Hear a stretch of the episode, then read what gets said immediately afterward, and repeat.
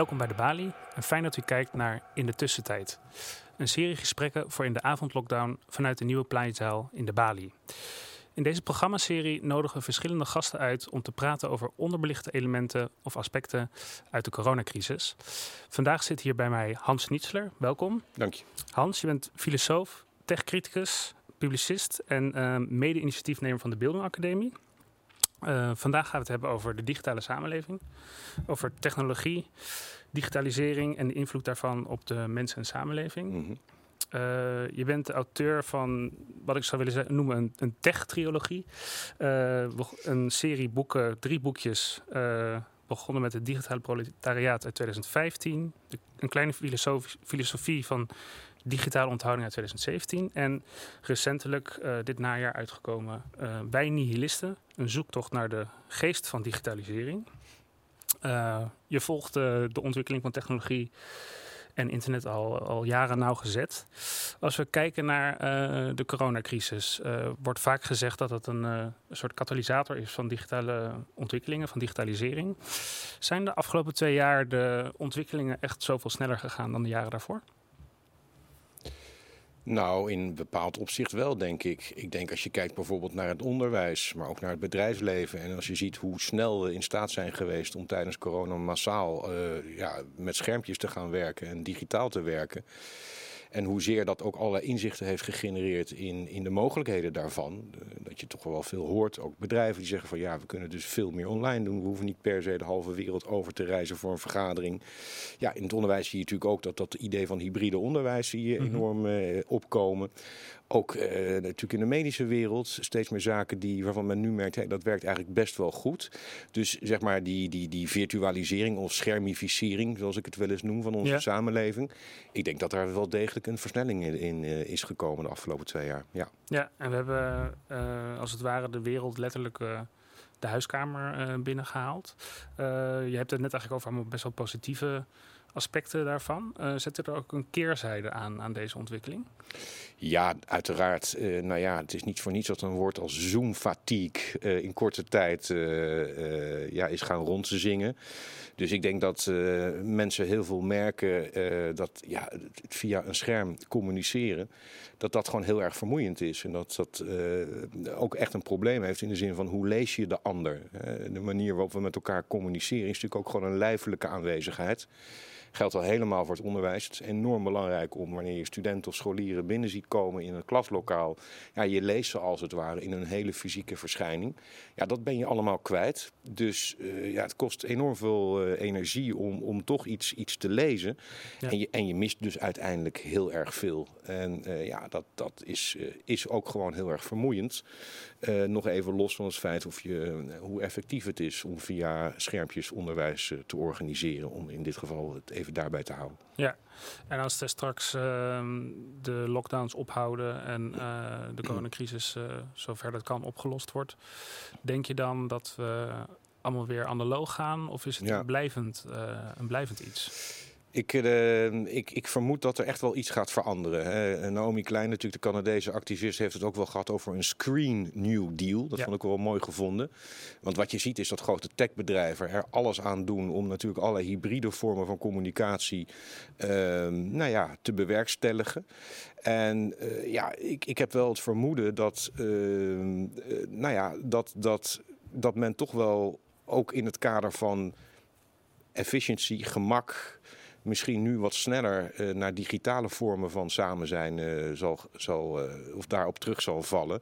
Ik zag het toevallig met mijn studenten aan de VU geef ik ook een vak aan de Vrije ja. Universiteit. En dat was weer even voordat we weer in een nieuwe lockdown gingen. En de studenten hadden de, ja, de keuze of ze weer helemaal fysiek wilden of toch hybride. En ze kozen tot mijn verbazing voor een hybride vorm. En mijn eerste college gaf ik dus via het scherm. Ik, vroeg van ja, wat, ho, hoezo? Ik, ik verbaas me daarover. ja, dan krijg je toch door, ja, het is toch gemakkelijk. We kunnen dan thuis blijven, hoeven niet s'avonds weer naar, uh, naar, naar de universiteit. Ja, waarop ik natuurlijk dan ja, een beetje grappend zeg van, ja goed, voor hetzelfde geld had je tijdens dat ritje je grote liefde kunnen ontmoeten. Ja, of, uh, precies. Hè, dus, dus je ziet natuurlijk dat, we, dat die gewenning wel, uh, dat dat toch wel heel erg snel gaat. Het, het verinnerlijken van, van die schermwerkelijkheid. En uh, ja, uh, ik denk dat je niet uh, echt niet, geen profetische gaven hoeft te hebben om, om te denken dat we straks, als we teruggaan, dat daar toch ook echt wel veranderingen in, in zullen, zichtbaar zullen worden. Ja, over dat gemak, daar zullen we zo, straks nog even verder op ingaan. Ehm, voor de coronacrisis was er ook al uh, groeiende kritiek. Uh, ook, uh, daar zijn jouw boeken natuurlijk ook een onderdeel van. op, op de steeds groter wordende rol van technologie in de samenleving. En ook de grote macht van big tech. Dus mm -hmm. de Googles en Amazons en Facebooks van deze wereld. Um, denk je dat de coronacrisis een soort van. Um, ja, een soort van window of opportunity heeft gecreëerd voor die techbedrijven om uh, nog veel machtiger te worden? En denk je dat we door de coronacrisis misschien op een punt zijn beland die, waar we zonder die crisis helemaal nooit zouden zijn gekomen? Oeh, dat laatste vind ik moeilijk te beantwoorden. Uh, ik, ik, ben altijd heel terughoudend, ook als denker, om, om al te veel stellige uitspraken te doen over wat in de toekomst wel of niet. Ik geloof wel heel erg dat naarmate technologieën uh, subtieler, kleiner, slimmer worden, we meer gaan, gaan samensmelten. Maar ja, uh, ja, wat je natuurlijk wel ziet is dat, dat uh, voor grote techbedrijven dit natuurlijk wel als een zegen kwam. Denk aan, aan, de, aan, aan Amazon, aan, aan de platforms, aan de manier waarop we nu alles online bestellen. Uh, alle technologieën die erachter zitten. Want ja, dat, uiteindelijk, als het gaat over, over tech, en zeker over de, de techbedrijven, het gaat uiteindelijk over macht. Ja. En je ziet natuurlijk dat we steeds meer, dat was al gaande voor corona, voor, van onze publieke diensten uitbesteden aan, aan grote techbedrijven. Of het nou gaat over dataverzameling of over vervoer, denk aan Amazon.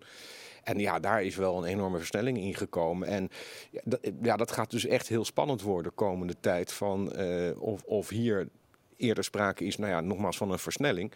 En, en, dat we op een punt zijn gekomen dat zeg maar, de macht, de middelen die die bedrijven nu, nu ook weer de afgelopen twee jaar hebben kunnen, zich hebben kunnen toe-eigenen, of, mm-hmm. of daar nog wel een tegenmacht uh, mogelijk is. Ja. Uh, ja, ik heb wel het idee dat dat steeds lastiger gaat worden. Dat is ook wel op dit moment ook mijn grootste zorg. Ja, dat er geen tegenmacht meer uh, gemobiliseerd kan worden. En dat we dus uiteindelijk in een wereld leven die volledig wordt gedicteerd door uh, de belangen eigenlijk van dat soort grote ja, we hebben ons langzaam maar zeker dusdanig uitgeleverd en afhankelijk gemaakt. Ook natuurlijk overheden. Ja. Dat, uh, dat we wel in een positie uh, zijn gekomen waarin dat steeds die erg onevenwichtig is. Ja. Gelukkig zie je natuurlijk Europa zie je wel stevig terugduwen ook. Dus ja. daar kunnen we nog wel enigszins hoopvol over zijn. Maar ja, tegelijkertijd, nogmaals, die bedrijven hebben een dusdanige voorsprong in kennis en kunde. Ja. ja dat, is, dat is denk ik zonder precedent. Ja, en geld, denk ik ook. Ja, en geld, zeker. Ja. In, uh, in je boek, uh, de, de subtitel van je boek heet uh, Een zoektocht naar de geest van digitalisering. je gaat eigenlijk een beetje op zoek naar hoe het kan dat die grote techbedrijven zo, ja, zo, zo dominant zijn geworden. Ehm, kan je kort uitleggen van wat dan die geest van digitalisering is? Ja, dat is een hele gelaagde geest, zal ik allereerst willen zeggen. Er zitten een aantal elementen in, ook in mijn boek. Um, maar, um, nou ja, laat ik allereerst vooropstellen, is, is denk ik dat um, we technologie identificeren met vooruitgang, per ja. definitie. En dat idee van dat vooruitgangsgeloof zit enorm sterk geworteld in, in, in, zeker ook in de westerse cultuur, zeker vanaf de verlichting, verlichting de industrialisering. En ja, we hebben eigenlijk een, een, idee ontwikkeld waarbij die, die twee, technologie en vooruitgang, synoniem aan elkaar zijn. En alles wat die innovatie tegenhoudt, uh, ja, dan ben je in feite tegen vooruitgang. Nou, ja. uh, ik denk in heel veel opzichten is dat een misvatting. Mm-hmm. Uh, maar het is wel stevig verankerd in, in, in zeg maar een soort rationeel wereldbeeld. Uh, dat, ja, dat is natuurlijk een hele goede geschikte voedingsbodem voor techbedrijven om, uh, om te kunnen floreren. Uh, een ander aspect is dat, ja, dat is een beetje de analyse, de lijn in mijn boek.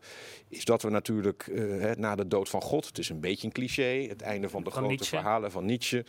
Daar zijn, we hebben eigenlijk geen, geen ankers meer, geen oriëntatiepunten. We moeten als autonome, onafhankelijke individuen, moeten we, ja, als het gaat over betekenis, zingeving, waarheid, identiteit, we moeten het helemaal zelf zelf bedenken, Mhm. uit onszelf halen. En die opgave is vrij lastig.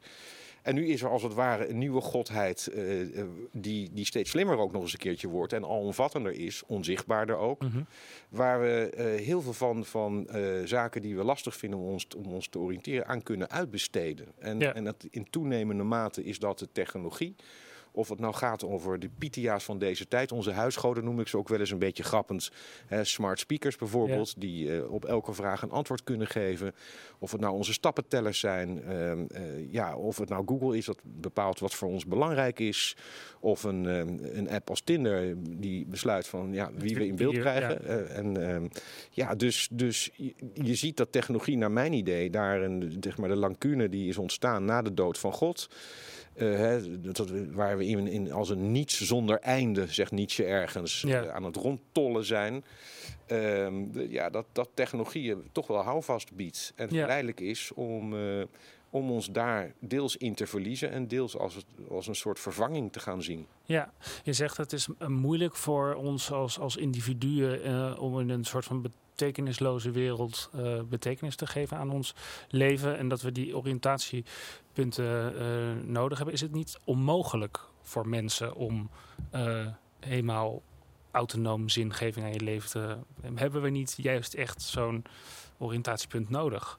Ja, ik denk dat, eh, de, ik denk dat zeg maar autonomiepraatjes, Mhm. zoals, ik het, zoals je het zou kunnen noemen, dat dat eh, ja, echt ook wel deels op een, op een illusie gebaseerd is. We zijn altijd eh, in betekenis, eh, betekenisvolle verbanden eh, ingebed. En eh, die bestaan natuurlijk nog steeds. Maar ik denk inderdaad dat het, dat het idee van een volstrekt autonoom, authentiek individu, eh, dat dat idee gewoon ja, nogal doorgeschoten is. En dat je dus ook ziet dat mensen op allerlei manieren zoeken. Of het nou gaat over mindfulness, eh, of het nou gaat over, nou ja, denk toch ook aan de politiek. eh, politici die de suggestie bieden dat ze met, met makkelijke oplossingen voor moeilijke problemen kunnen Mhm. komen. Of die er heel erg op identiteit hameren, de Nederlandse identiteit. Ja. Ja, dat, dat, ik denk dat we daar misschien op een bepaalde manier ontvankelijker voor zijn dan, dan, dan, dan, dan ooit. Nou ja, dat is misschien wat overdreven, maar eh, Dat, ja, we zoeken. misschien zelfs zouden willen toegeven. Ja, wellicht. Maar we- ja, we zoeken toch naar oriëntatiepunten, naar ankers. En eh, ja, die, die, die kun je natuurlijk ook eh, op, andere plekken vinden. Maar technologie is daar wel een heel belangrijk bestanddeel in. En wat is dan het probleem als technologie zo'n nieuw groot verhaal wordt? Ja, nou ja, dan moet je natuurlijk toch even kijken van, als je het hebt over de huidige technologie, dat gaat natuurlijk over data en algoritme. Het gaat Mhm. over het idee dat we de werkelijkheid eh, voorspelbaar, programmeerbaar, eh, efficiënt, eh, optimaal kunnen maken. En eh, ik denk dat die suggestie ons een beetje misleidt. En dat we daardoor misschien wel steeds meer moeite hebben om voor het ongevraagd en ongewisse open te staan. Ja. En dat zie je ook een beetje wel met de coronacrisis. Het idee van, nou ja, inschikken, geduldig zijn, eh, even een stap terug doen. Nee, het moet, eh, dingen zijn direct opvorderbaar, direct beschikbaar. Met één klik eh, bestel je iets bij een flitsdienst en het staat binnen vijf minuten voor je deur. Ja. Dus er zit ook een suggestie in eh, waarin, ja, die denk ik niet helemaal recht doet aan de grilligheid en de ambiguïteit van ons bestaan. En, dan komt de vraag, hoe, verhouden we ons daar dan op een gegeven moment toe? Zijn we dan nog wel in staat om die ja, dubbelzinnigheid te accepteren? Of moet het allemaal gemak, frictieloos, eh, gemakkelijk gaan, frictieloos zijn, soepeltjes lopen? En is alles wat, wat daar op de een of andere manier eh, barrières opwerpt, ja, dat we daar misschien op een bepaalde manier allergisch voor aan het worden zijn? Ja, zou je dan de respons die we als eh, samenleving en misschien eh, de overheden en eh, de wetenschap op de coronacrisis ook kunnen zien in het licht van die maakbaarheid, Ja. oplosbaarheid? Ik denk het wel, want het is natuurlijk dat woord, dat idee van technological fix. Mhm. Dus ja, het idee dat je technologie met technologie kunt vergelden. Dus er is een probleem, vaak veroorzaakt door een, een- ook een technologische innovatie. Een geglobaliseerde wereld waar mensen en goederen eh, ja, in, in een mum van tijd de hele, hele aardbodem over kunnen. Nou, er komt een pandemie en dan gaat het natuurlijk in eerste instantie is de reflex om daar een QR-code of technologieën eh, te gebruiken die ons eh, uit de brand zouden kunnen helpen. Dat zie je soms ook wel bij de klimaatdiscussie. Ja. Denk aan ecomodernisten die dus denken dat we met meer technologie uiteindelijk de problemen wel op kunnen lossen. En daarmee ga je natuurlijk voorbij aan eh, ja, het feit dat het ook gaat over hoe we een, een werkelijkheid hebben ingericht, hoe wij ons als mens daartoe verhouden. wat voor soort houding eigenlijk van ons ook nog gevraagd wordt. Ja. Dus ik wil niet zeggen dat technologie, ik wil dat natuurlijk absoluut niet afwijzen. Natuurlijk kan technologie ons, ons helpen. Maar het idee dat, uh, dat het altijd op die manier, uh, nou ja, dat dat de manier is om problemen te lijf te gaan. Ja, ik denk dat dat, dat tech-solutionisme, zoals Morozov, ja. de Wit-Russische internetcriticus, dat noemt. Uh, hij vergelijkt dat ergens van ja, een man met een hamer die overal spijkers ziet. Ja, ja dat, dat, dat is wel iets wat een reflex die je wel terugziet ook in de aanpak van de coronacrisis. Ja, en je schrijft ook in je, in je boek dat dat ook een. Um een, een, wat breder gedragen uh, ideologisch uh, wereldbeeld is, die vanuit uh, onder andere Silicon Valley mm -hmm. naar, naar voren komt. Wat wil, wat wil die tech-elite eigenlijk? Wat voor wereldbeeld hebben ze eigenlijk voor ogen? Ja, nou ja, weet je, het, heel gegeneraliserend zou je kunnen zeggen, ja, de nerd, de ja. programmeur, de coder, die, uh, ja, die, uh, die, die, die, doet er alles aan om, om een, ja, een soort werkelijkheid te ontwerpen die, die ook programmeerbaar is. Je stopt er iets in en er komt iets uit wat je, ja. wat je, wat je in de hand hebt. Dus, dus het gaat heel erg, naar mijn idee, over voorspelbaarheid, over uh, uh, gemak, over berekenbaarheid. Uh, het verlangen toch ook om ja, het onverwachte zoveel mogelijk naar de marges te duwen. En, en dat is ook niet zo gek, want ja, als het gaat over zeg maar de belangrijkste of de invloedrijkste beroepsgroep van deze tijd, dat zijn toch echt de programmeurs, naar mijn ja. idee. En zeker de supernerds daarvan. De Zuckerbergs. De Zuckerbergs en de Elon Musks ja, die, uh, die, die, hanteren een idee van dat, dat de werkelijkheid bestaat uit informatie. En dat wij mensen ook informatieverwerkende machines in feite zijn. Dus ja. dat je ja, eigenlijk aan, aan knoppen moet draaien om de boel goed af te stemmen, zodat het allemaal frictieloos loopt. Dus ja, ja ik denk dat dat, uh, dat, dat uh, toch echt wel een diep geworteld ja, ontwerpidee is.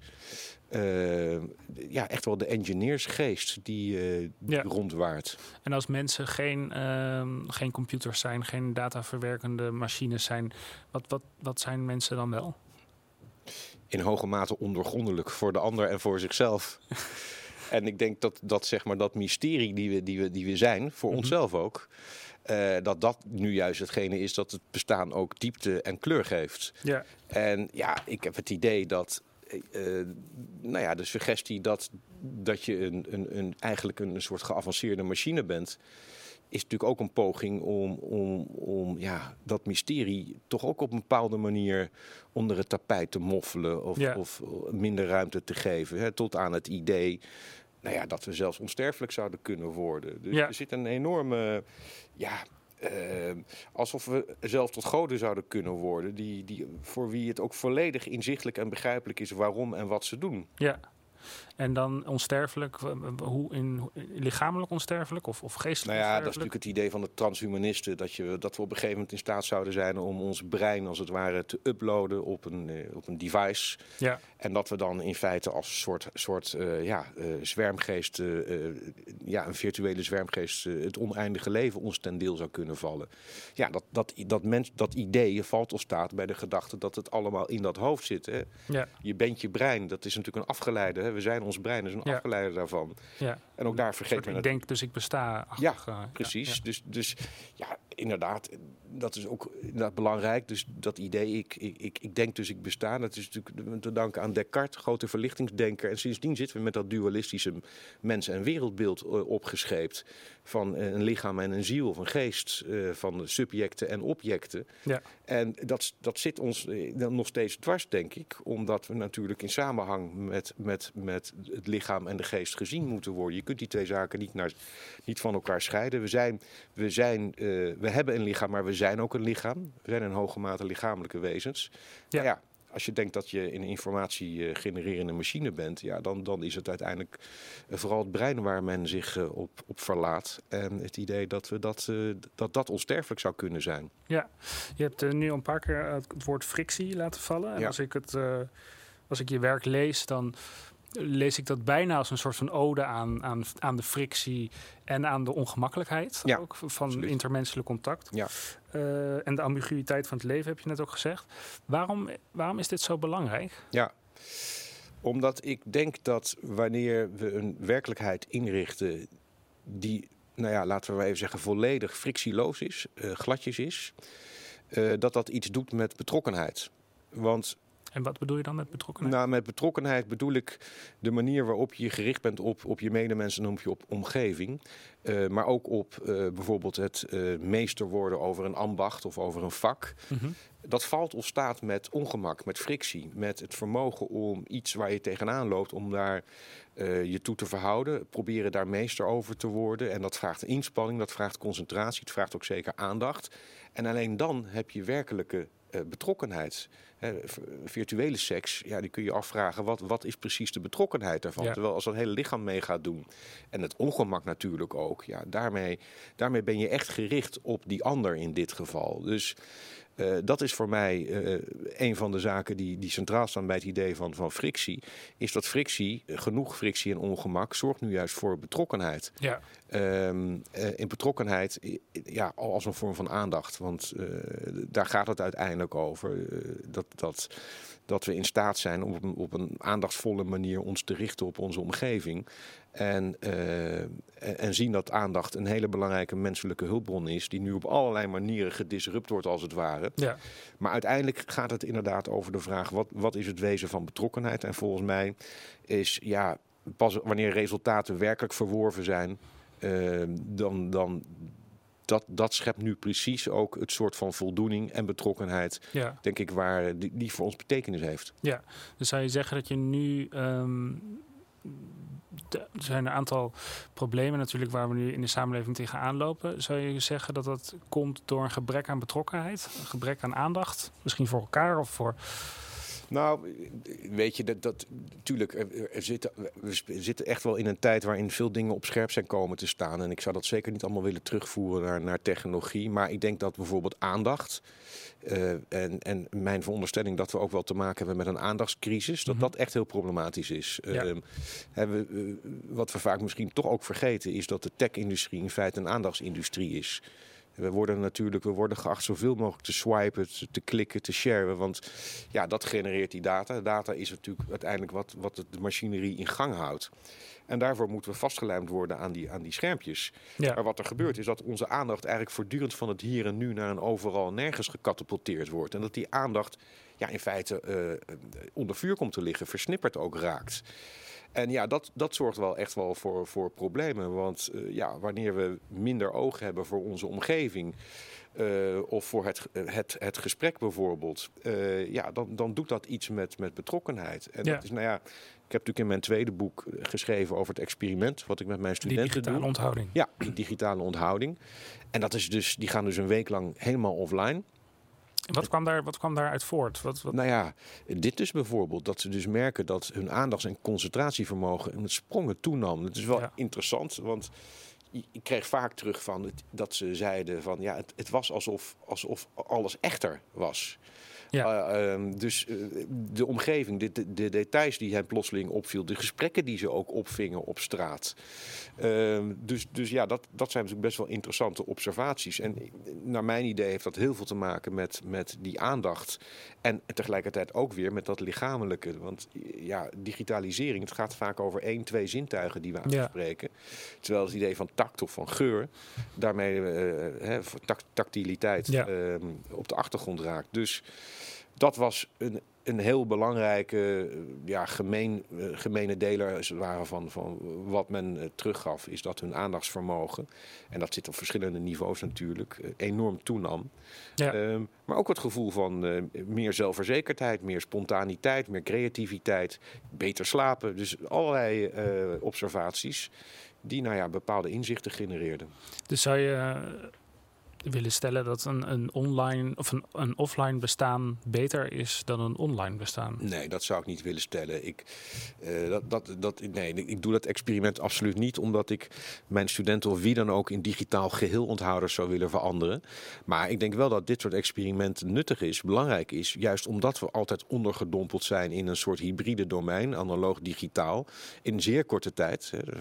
Dus de iPhone bestaat vast sinds 2007. Mm -hmm. uh, Ehm, en juist omdat het zo snel gegaan is en ik soms het vermoeden heb dat onze, zeg maar, onze biologische en psychische inborst als het ware die, die ontwikkelingen nauwelijks bij kan benen, is het Mhm. wel nuttig om even afstand te nemen, even eruit te stappen, te kijken wat er dan gebeurt.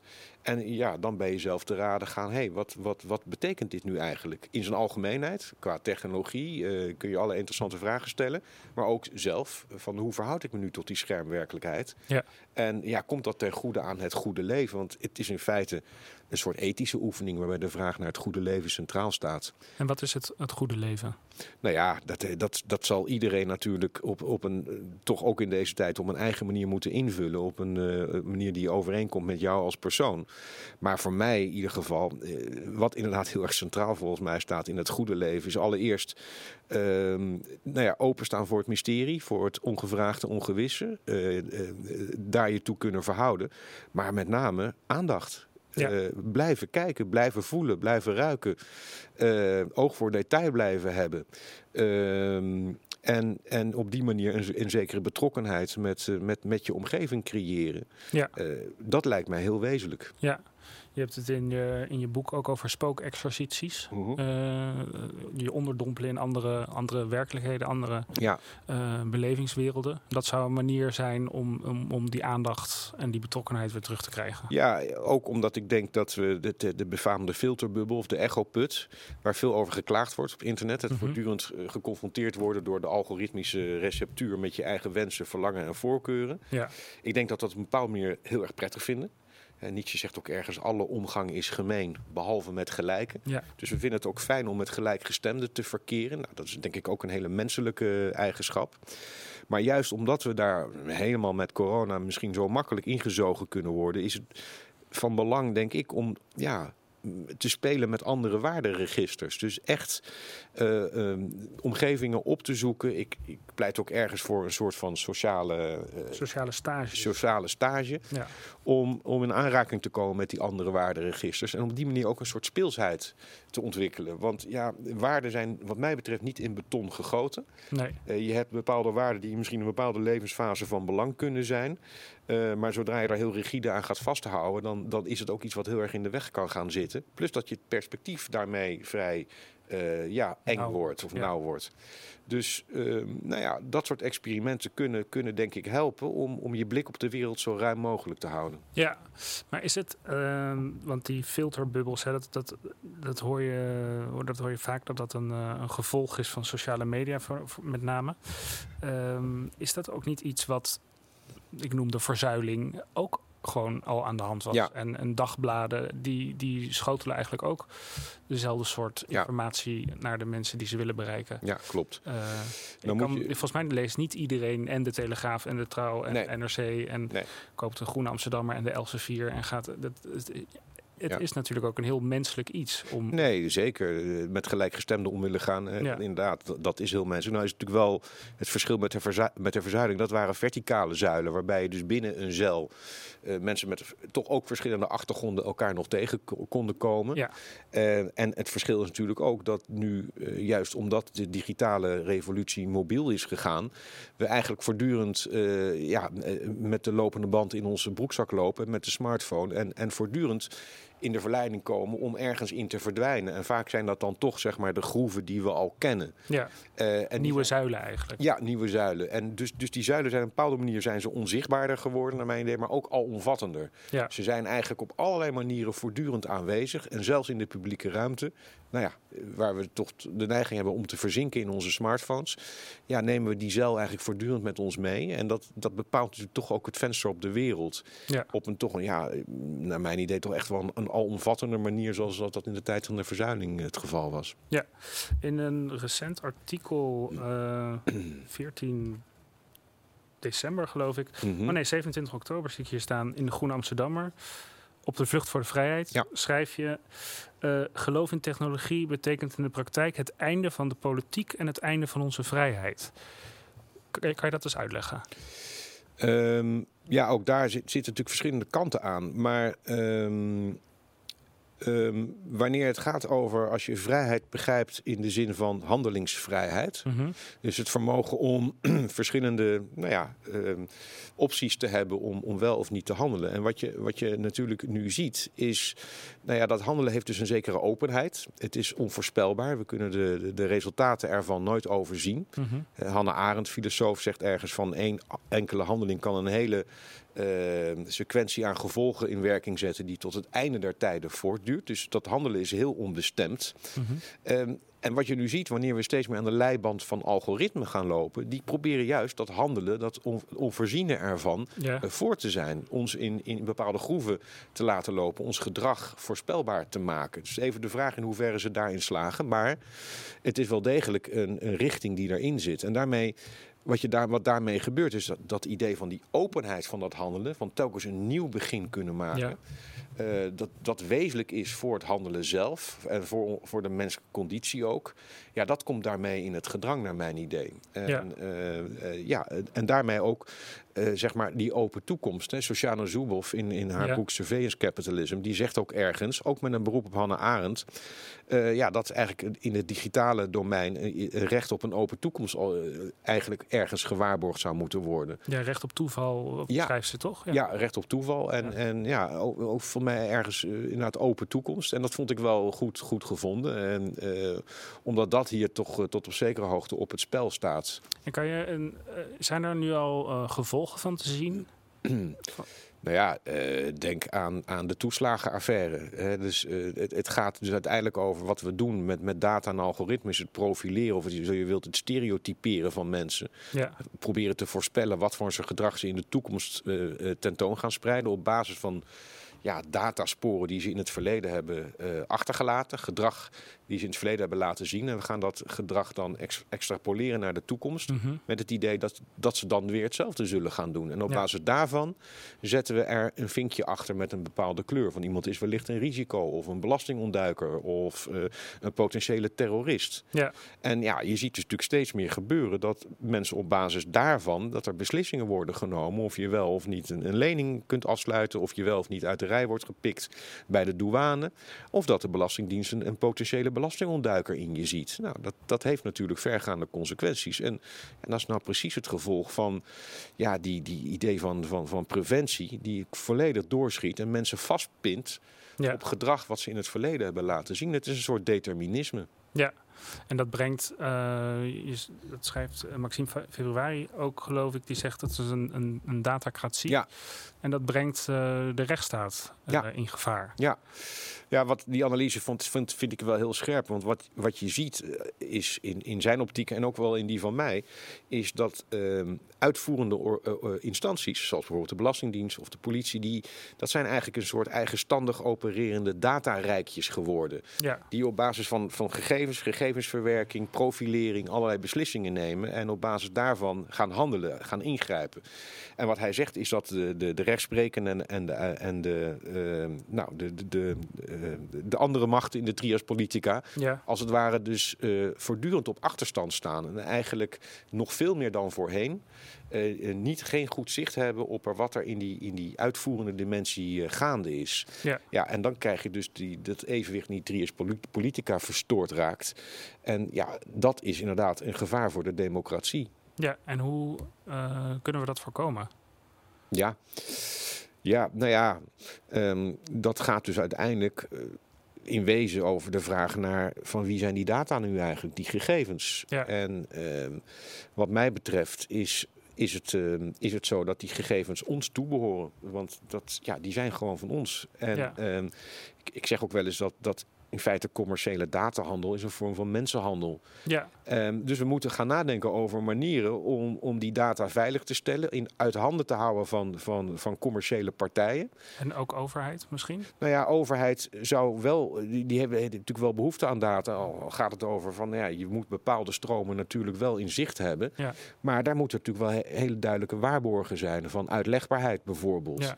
Uh, en dat je als burger ook, als, als, als databurger, ook toegang hebt tot je eigen data. En ook goed zicht hebt op welke data er om welke reden worden gebruikt. Ja. Uh, dus uiteindelijk, dat is de ultieme vraag. Het is, wat dat betreft ja, toch een beetje de, de, de, de ouderwetse eh, strijd om de productiemiddelen. Zoals je natuurlijk ook bij het, bij het proletariaat ten tijde van Marx had. Ja. Eh, eh, toen ging het om de arbeidskracht. En, en nu gaat het eh, in, ja, in hoge mate over onze ja, datasolvabiliteit. Misschien eh, kun je, het, kun je het zo noemen. Eh, maar data gaan natuurlijk ook wel over alles wat in onze geest aanwezig is, mogelijkerwijs. Ja. Ehm, dus ja, die toe-eigening, daar, moet, daar moet denk ik eh, vorm aan worden gegeven en ja, opgeëist worden. En, en is ehm, regulering daar een, een, een vorm voor hoe we dat kunnen doen? Ja, deels. Dat is absoluut iets wat, eh, wat van belang is. En wat dat betreft gebeurt er in Europa natuurlijk best wel veel. En Mhm. ontstaat er ook wel, denk ik, iets interessants dat. Je hebt natuurlijk het, kijk, als je het hebt over kunstmatige intelligentie, dat gaat bijna per, per definitie over surveillance. Ja. Want je hebt natuurlijk zoveel mogelijk camera's, sensoren nodig die, die ons voortdurend in de gaten houden. Om, om al die data en al die zeg maar, patronen zichtbaar te maken. Ehm, dus ja, we zullen op een bepaalde manier. En ja, ik denk in Europa moeten kijken van hoe kunnen we dat, dat idee van zo'n surveillance-economie. ehm, wat kunnen we daar tegenover stellen? Ja. En zeker vergelijk met wat er in China of, of Amerika gebeurt. En daar is natuurlijk een. Daar dienen zich wel mogelijkheden aan. Vanuit Europa met name, denk ik. Om een, een alternatief model te bouwen. Een alternatieve digitale infrastructuur. Waar integriteit, mensenrechten, privacy wel worden gewaarborgd. Ja, en dan dat zouden dan de waarden waarmee we Ja. de technologie zouden moeten gaan vormgeven. Ja, en dan zouden we wel eens een heel interessant continent kunnen worden voor allerhande partijen die, eh, die weten dat ja, hoe we hier in Europa met onze data omgaan en welke waarden we daaraan vastkoppelen. Ja. Ja, dat, dat, eh, nou ja, dat, dat, dat, dat de veiligheid daar wel gegarandeerd is. En, en hoe, hoe reëel schat je die, die kans in dat, dat, dat we daar naartoe kunnen bewegen? Ja, nou ja, eh, dat vind ik moeilijk te beoordelen. Ik denk wel dat we echt wel, wat dat betreft, in een hele belangrijke, op een soort scharnierpunt zitten. Al. En, en nou ja, nogmaals, waar we mee begonnen het gesprek, corona heeft misschien eh, het kiertje wat kleiner gemaakt. Eh, want het gaat toch om tegenmacht te organiseren Ja, ten aanzien van de grote tech-titanen. ja, En ja, dat zal dus betekenen dat Europa ook als een donder bijvoorbeeld een eigen zoekmachine zou moeten ontwikkelen ja. als alternatief voor Google, om maar wat te noemen. Ehm, nou ja, in combinatie met. Maar goed, dat hebben we in Europa natuurlijk niet onder controle. We kunnen wel boetes uitdelen, maar daar zullen de grote techbedrijven niet echt wakker van liggen. Nee. Maar goed, als, als die op een gegeven moment opgebroken worden, ja, dan, dan komt er wel iets in beweging. Ja. En dat hangt toch wel in de lucht. Eh, dus dat wordt heel spannend. In hoeverre corona dat ook weer juist versnelt of juist niet. Dat, eh, maar, Ja. dat, maar dat vind ik moeilijk om daar iets, iets zinnigs over te zeggen. Even kijken naar de, hoe, eh, wat de gevolgen zijn op onze persoonlijke eh, sfeer, leefsfeer. Daar schrijf je ook eh, wat over. Ehm, wat, voor, wat voor gevolgen heeft het gebruik van, van schermen en, en algoritmes en, en kunstmatige intelligentie eigenlijk op onze intieme relaties? Ehm, ja, dat, dat, ik bedoel, in algemene zin denk ik dat het wel best wel lastig is om daar iets over te zeggen. Dat hangt natuurlijk wel heel erg af van, van hoe die schermen, ja, de intensiteit zeg maar, van het gebruik. Maar ja, wat je bijvoorbeeld wel ziet is, eh, iemand als Sherry Turkle heeft dat natuurlijk ook al eh, eh, laten zien, is dat het ook wel iets doet met empathie, met inlevingsvermogen. Ja, Ja, dat, zij werd op een gegeven moment bij een school geroepen in, in New York, in de staat New York, omdat ja, docenten daar het idee hadden dat jonge kinderen alsof ze niet meer in elkaar geïnteresseerd leken. En zij is dat gaan onderzoeken. En ja, zij kwam tot de conclusie dat juist door zoveel schermgebruik, door ook via spraakberichtjes met elkaar te communiceren, dat, eh, dat het steeds meer moeite kost om een lichaamshouding te herkennen of een gezichtsuitdrukking en, en wat dat vraagt. En, en, en dus, dus daarmee ook het, het inlevingsvermogen. Het gezicht is natuurlijk toch wel, ja, volgens Levinas, het, het begin van de ethiek als het ware. De, de, de blik die je, naar Ja. elkaar, eh, die je op elkaar werpt. eh, betekent eigenlijk van zie me staan, dood me niet, bij wijze van spreken. Ja, wanneer we die blik steeds, steeds minder beantwoorden, ja. of steeds slechter kunnen lezen, dan is het natuurlijk niet zo raar om te veronderstellen dat dat iets doet met van wat lees ik nou in die blik van die ander. Dus ja, dat is iets, denk ik, eh, wat misschien wel dat we denk ik wel heel serieus kunnen nemen, dat het iets doet met, met inlevingsvermogen. En als je dan kijkt naar maatschappij breed, zorgt dat er ook voor dat we minder eh, verdraagzaam zijn naar, eh, naar elkaar of naar andere groepen? Ja, Nou ja, dat natuurlijk. Kijk, die polarisering die nu gaande is, ik denk dat je die toch ook wel gewoon veel in een veel breder verband moet, moet zien. Met allerlei zaken die, die spelen al lang. Allerlei uh, vormen van onbehagen, waarvan veel ook heel begrijpelijk. Wantrouwen, uh, uh, sociale economische ongelijkheid die, die toeneemt. Maar ik denk wel dat technologie een enorme katalysator kan zijn. Al is het maar omdat er natuurlijk, er zit een enorme cultivering van ongeduld in. Dat zie je op de sociale media. Het is, het is reageren en, en iets, iets, iets stellen en hup, meteen reageren. Um, dus dat hele impulsieve, daarom was Trump ook zo uitermate geschikt voor deze tijd, zou je kunnen zeggen, als Twitter-president. Want hij snapte ja. hoe je dat medium moet hanteren, wil het, wil het effect hebben. de medium is, is de message, zei Marshall McLuhan al. Dus het gaat om niet eens zozeer om de boodschap zelf, maar om een, een medium, een, een, technologie. En, en, hoe zorgt die technologie er nou voor uh, dat we ons op wat voor manier we ons tot elkaar verhouden. Dus um, uh, ja, ik denk zeker dat, dat technologie wel een katalysator is in bijvoorbeeld de cultivering van het ongeduld. En dat we dat wel lastig vinden om, uh, of veel mensen misschien lastig vinden om ja, dat terug, het, het, het, het, terughoudend zijn, het afwachten, het geduld beoefenen. Dat, nou ja, dat, dat soort deugden, als je het zo wil noemen, mm -hmm. dat, dat, uh, die, dat die enigszins onder druk staan. En als we kijken naar hoe het, um, hoe het anders zouden kunnen doen. Uh, in je boek schrijf je ook, uh, of uh, op, de, op de achterkant schrijf je, um, of met dit bord, boek Sport ons aan om ons eigen aandeel onder ogen te zien. Want als we ons bewust zijn van ons eigen aandeel in, in, in waar we het net over hebben gehad, dan kan er pas verandering ja. optreden. Um, is dat niet een beetje te utopisch? Um, is het ook niet juist, is er niet een hele grote rol voor de politiek weggelegd?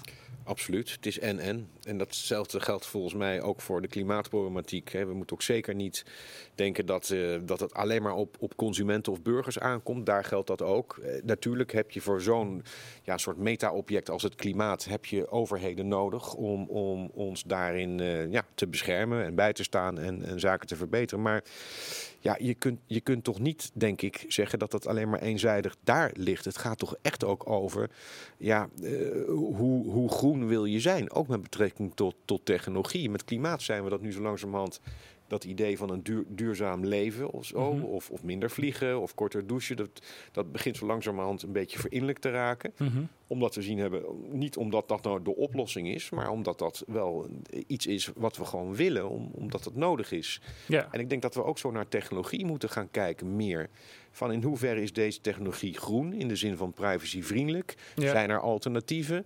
Uh, we weten nu alle schandalen rondom Facebook dat dat bedrijf niet op ons welzijn uit is, nee. maar uh, voornamelijk op het vergaren van data en het uitmelken van die data. En ja, ik denk dat je als je een beetje nadenkt over van ja, wat vind ik van belang in mijn leven, dat je dus best dan uh, zou kunnen antwoorden: Nou, ik heb bepaalde waarden die ik op dit moment van belang vind. En een bedrijf als Facebook uh, zie het maar. Nee, zie dat maar als de Philip Morris van het internet. Ja. Nou, uh, dat, dat, dat zou de houding kunnen veranderen. Dus ja, ik denk dat het ook iets van ons vraagt. En dat is ook de reden waarom ik dat boek heb geschreven. Omdat we daar, naar mijn idee, toch heel makkelijk aan voorbij gaan. En ja. ja. om te snappen van hoe wij ons verhouden tot die technologie en waarom die verleiding zo groot is om dat kritiekloos te omarmen, heb ik geprobeerd, nou, zeg maar, de richting die, daar, die, daar, die ik daarin zie, om die zichtbaar te maken. En, en in de hoop dat nou, dat ook kan helpen om je op een andere manier wellicht te gaan verhouden tot, tot bepaalde technologieën of bedrijven. Ja, ja dat, je zei net uh, willen en dat is. Uh een, een, een goed woord, omdat je schrijft ook hier dat de wensen van de tech-elite ook is wat wij willen. Ja. Dus als die wensen van die tech-elite nou ook onze wensen zijn, hoe, hoe ga je dan daarmee om? Hoe kan je dat kantelen? Ja, nou ja, dat is ook echt een, een, een, ja, een mensenopgave. Dat gaat over, uh, over beelding, zo je wilt. Of over uh, de vraag uh, van hoe je jezelf wilt vormen, jezelf wilt bepalen. Het gaat over positieve vrijheid. Wat vind ik, welke waarden vind ik van belang in mijn leven? En hoe ga ik daar dan ook invulling aan geven? Mm -hmm. Dus kijk, die, die wil is tot op zekere hoogte misschien ook wel een valse wil. Net zo goed als het, het consumentisme, zoals we nu hebben gezien, het, het, het tot in het, in het oneindige willen vliegen, willen consumeren, dat we zien dat we daarmee niet alleen de aarde kwaad doen of iets aandoen, maar ook Ja. ons eigen lijf. Eh, ja, dat, is, dat inzicht zal langzaam maar zeker, denk ik, indalen. En, en, en dat vraagt om een andere houding, en om een ander ethos. Ehm, want het is niet zozeer dat het gaat om het afwijzen van technologie, maar juist omdat we in zo'n korte tijd het zijn gaan omarmen. Eh, tot, tot in, in extreme zou ik bijna willen zeggen, zijn we waarschijnlijk daarin ook, ook wel doorgeschoten. Dus het Ja. gaat ook om een soort correctie, die ik meen ook wel te zien hier en daar. Eh, dat mensen toch ook worstelen eh, met het schermgebruik, omdat ze ook wel merken: het komt mij niet ten goede. Ik, Ja. ik, ik ben daardoor niet optimaal aanwezig. Ehm, en nou ja, ehm, dus dat ongemak, dat onbehagen zit er volgens mij ook. En, en in combinatie met een zeker inzicht of bewustzijn van ja, wat speelt hier nu eigenlijk? Ja, denk ik toch wel dat, dat, ehm, dat ondanks dat we die, die wens hebben, die Ja. wil, ehm, dat we daar ook wel een verandering in zouden kunnen en willen bewerkstelligen. Ja, maar ehm, je noemt net positieve vrijheid. En dat is eigenlijk waar we het in het begin ook over hadden. Over die, die oriëntatiepunten voor, je bij, voor jezelf kunnen aanbrengen. Ja, eh, denk je niet dat, dat een hele grote groep mensen, of misschien iedereen wel, dat eigenlijk niet echt kan? Mhm. En zouden we dan niet behoefte hebben aan een nieuw groot verhaal, wat we tegenover dat grote verhaal van tech kunnen zetten, wat een ander uitgangspunt heeft? Ja. Ehm, nou, dat, dat, eh, daar ben ik dan toch wel een beetje sceptisch over. Ook omdat ik eh, denk dat, ehm, dat we in een tijd leven waarin we ook gewoon moeten accepteren dat nou ja, die dood van God of het einde van die grote verhalen niet per se een enorme ramp hoeft te zijn. Als we maar op de een of andere manier kunnen nadenken van ja, maar wat dan? Hoe, hoe, wat betekent dit dan precies? Ja, Ehm, en ja, daarom pleit ik ook voor die, eh, voor die eh, eh, positieve vrijheid, voor die zelfbepaling, die, waarmee je dus eh, ja, je kunt oriënteren in, in de werkelijkheid. Maar dat vergt wel, zeker van het onderwijs, wat, om, om daar ook echt aandacht aan te besteden. Dus dat is natuurlijk ook de reden waarom ik betrokken ben bij de Bildung Academie. Mhm. Dat gaat over algemene vorming, maatschappelijk verantwoordelijkheidsbesef. En dat gaat dus uiteindelijk over ethiek en een reflectie op eh, ja, wat, wat van waarde is en waarom. Ehm, en, en hoe jij je als mens eh, verhoudt tot, tot je verleden natuurlijk ook. eh, maar ook tot, tot het verleden van, van een land of een omgeving of een dorp of stad. ja. Eh, dus ja, we zullen toch denk ik een manier vinden om die moderne subjectiviteit invulling te geven. Want ja, ik zou toch niet willen, willen betogen dat we de weg terug moeten zoeken naar een of ander groot eh, verhaal of post, postmodernisme. Wat je soms wel hoort. Hè? Ja. Dus een soort, weer een soort idee van, nou ja, weet je, storytelling of zo. Of eh, dat, dat, we, dat, dat, dat dat op een bepaalde manier een uitgangspunt zou zijn om een narratief te maken. Dat komt op mij, op mij toch ook wel vrij gekunsteld over. Dus we zullen het wel degelijk toch ook in onszelf moeten, moeten zoeken. En eh, ja, ik denk dat onderwijs daar echt de sleutel voor is. En dat eh, moet vanuit de overheid ook gestimuleerd worden? Of van, meer vanuit eh, particuliere initiatieven zoals eh, de Bildung Academie? Ja, dat is mij om het even, maar ik mag hopen dat in principe een overheid die nadenkt over, over bezig is natuurlijk met onderwijs. En ehm, ja, ik vind het wel heel hoopgevend als ik, wat ik, wat ik dan hoor, ik hoor bijvoorbeeld het woord beelding hoor ik enorm rondzingen, omdat Mhm. men ook wel ziet, de wereld verandert zo snel. Ja, Dus dat je niet, zeg maar, het oude idee van onderwijs, dat je kinderen kunt opleiden voor, of jongeren kunt opleiden voor een wereld die er is. Nee, we moeten ze opleiden voor een wereld die er nog niet is. Ja. En, en als je op die manier naar onderwijs gaat kijken, ja, dan kun je je afvragen wat voor soort vaardigheden zijn daarvoor nodig. Ja. Eh, dus dan gaat het misschien niet meer om harde beroepsvaardigheden, of in ieder geval minder, die zijn nog steeds van belang. Maar ook om een, om een zekere mate van eh, een vermogen tot, tot, tot flexibiliteit, eh, het kunnen aanpassen of kunnen anticiperen. Ehm, maar we moeten denk ik heel erg nadenken over, over bepaalde uitgangspunten. En daar ligt natuurlijk voor de overheid een belangrijke taak. Want ja, die zijn toch echt mede verantwoordelijk voor de inrichting van ons onderwijs. en als we kijken, er is nu eh, net een nieuw kabinet. Eh, wat, Ja. wat verwacht je van eh, het nieuwe kabinet op het gebied van digitalisering? Heb je daar goede hoop op? Nou ja, ehm, het is natuurlijk wel op zich hoopgevend dat, dat er nu iemand is die zich met dat digitale domein ook echt gaat bezighouden. Het is jammer dat het geen minister is. Want er had best wel een eigen ministerie eh, op mogen, opgezet mogen worden. Ook omdat ik. eh, weet je, we staan voor een, echt een enorme, eh, hele spannende jaren. Als het zeker hebt over de klimaatcrisis. Eh, er is veel polarisering, er is veel eh, sociale economische ongelijkheid. En ja, daar staan dus echt grote ingrepen komen er op ons af. En wanneer het venster waardoor we de wereld bezien, zoals eh, ja, toch onze sociale media, maar ook Google, de technologie, dat die, de verdienmodellen daarachter zorgen ervoor dat dat ve- venster kapot is. Ja. En ik geloof echt dat wanneer we niet in staat zijn om dat venster te repareren, dat we ook die andere grote problemen, dat we die heel moeilijk zullen gaan oplossen. Denk ook zeker aan, aan, desinformatie wat die rondzinkt. Eh, deepfakes die nu natuurlijk enorm in opkomst zijn, dus gemanipuleerde beelden die enorm veel schade in potentie kunnen berokkenen. Dus nou ja, ik ben in zoverre hoopgevend dat het wel duidelijk is dat het bewustzijn bij de overheid de afgelopen vijf, zes jaar behoorlijk gegroeid is. Dat dit wel een domein is dat een aparte, een aparte staatssecretaris of minister nodig heeft. Er is natuurlijk veel aan wetgeving. Ehm, dus ja, er is zeker wat in beweging gekomen. Eh, of het genoeg is, het wordt spannend. Meer, kan, meer durf ik er niet over te zeggen. Maar ehm, nou ja, eh, dat het besef van urgentie aanwezig is, dat geloof ik toch wel. Ja. Je noemt aan het einde van je boek corona misschien wel een blessing in disguise. Ehm, wat bedoel je daar precies mee? Nou ja, wat we natuurlijk zien is nu een, echt een uitzonderlijke situatie waarin heel veel vrijheden als het ware zijn opgeschort. Ja. En eh, dat creëert heel veel eh, misnoegen en, en terecht en begrijpelijk. En tegelijkertijd is het misschien wel een soort mentale voorbereiding of, of, of eh, repetitie voor wat er nog komen gaat. Want het zou mij niet verbazen dat we in het kader van de klimaatproblematiek misschien ook bepaalde vrijheden moeten gaan inleveren. Ja. En nou ja, dus misschien worden we nu een beetje voorgemasseerd om daaraan te wennen. Dat het niet zo vanzelfsprekend is dat alle vrijheden die we verworven hebben, dat die absoluut zijn. Dat die ook ingeperkt kunnen worden. En dat is echt iets wat we natuurlijk al heel lang niet hebben meegemaakt. Ja. Dus dat bedoel ik met blessing in disguise. Natuurlijk, er is verzet, maar tegelijkertijd zie ik toch ook wel, zeker in het begin van de coronacrisis, dat veel mensen het wel begrepen. Maar die ervaring is niet onbelangrijk wanneer we gaan kijken wat er misschien de komende tien, eh, tien jaar ook nodig zal zijn. Ja, en zou het misschien ook ehm, een breuk kunnen eh, forceren in het beeld van, van maakbaarheid, wat ook eh, natuurlijk door Silicon Valley heel erg Ja. wordt gepropageerd. Ja. Zorgt het ook daar, en daarvoor in een soort eh, ja, paradigma verschuiving misschien wel?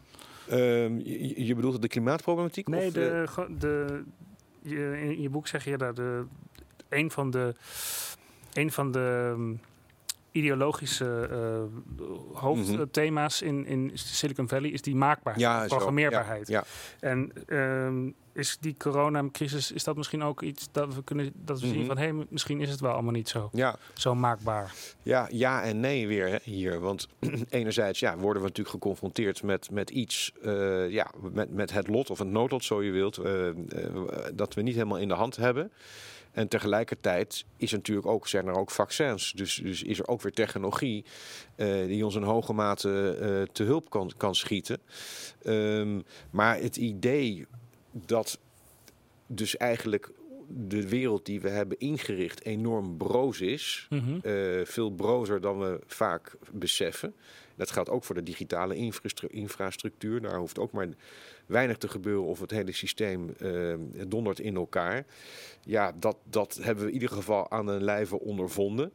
Ehm, maar ja, weet je, dat maakbaarheidsidee, dat zit toch echt wel heel erg diep in, in, in zeg maar ook ja, de hele westerse technowetenschappelijke manier waarop we naar de werkelijkheid kijken. En de manier waarop technologie, of eigenlijk wetenschap in dienst van technologie is komen te staan. En technologie gaat nu juist over maakbaarheid.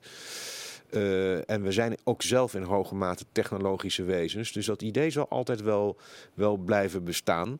Maar ik denk eerder dat, dat die maakbaarheid nog eerder, dat idee van maakbaarheid op losse schroeven komt te staan als we nog meer de klimaatverandering van het klimaat gaan ondervinden. Ja. En uh, ik ben zelf een aantal jaar geleden een keer in Venetië geweest toen dat water daar zo enorm hoog stond. En dan ik voelde bijna, ik voelde daar een soort machteloosheid. Hm. Waarvan ik me kan voorstellen als je inwoner bent van Venetië, dat dat echt bijna traumatisch is. Ja, Eh, ja, als we dat soort dingen, en zoals we natuurlijk ook in Nederland hebben meegemaakt in Limburg, eh, als we echt aan de lijve gaan ondervinden.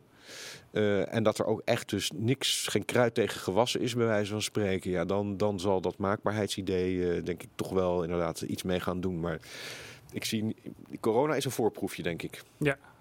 En ehm, zou dat dan ook ehm, zorgen uiteindelijk voor een, voor een betere relatie met, met, met technologie als we die, die maakbaarheid kwijt zijn?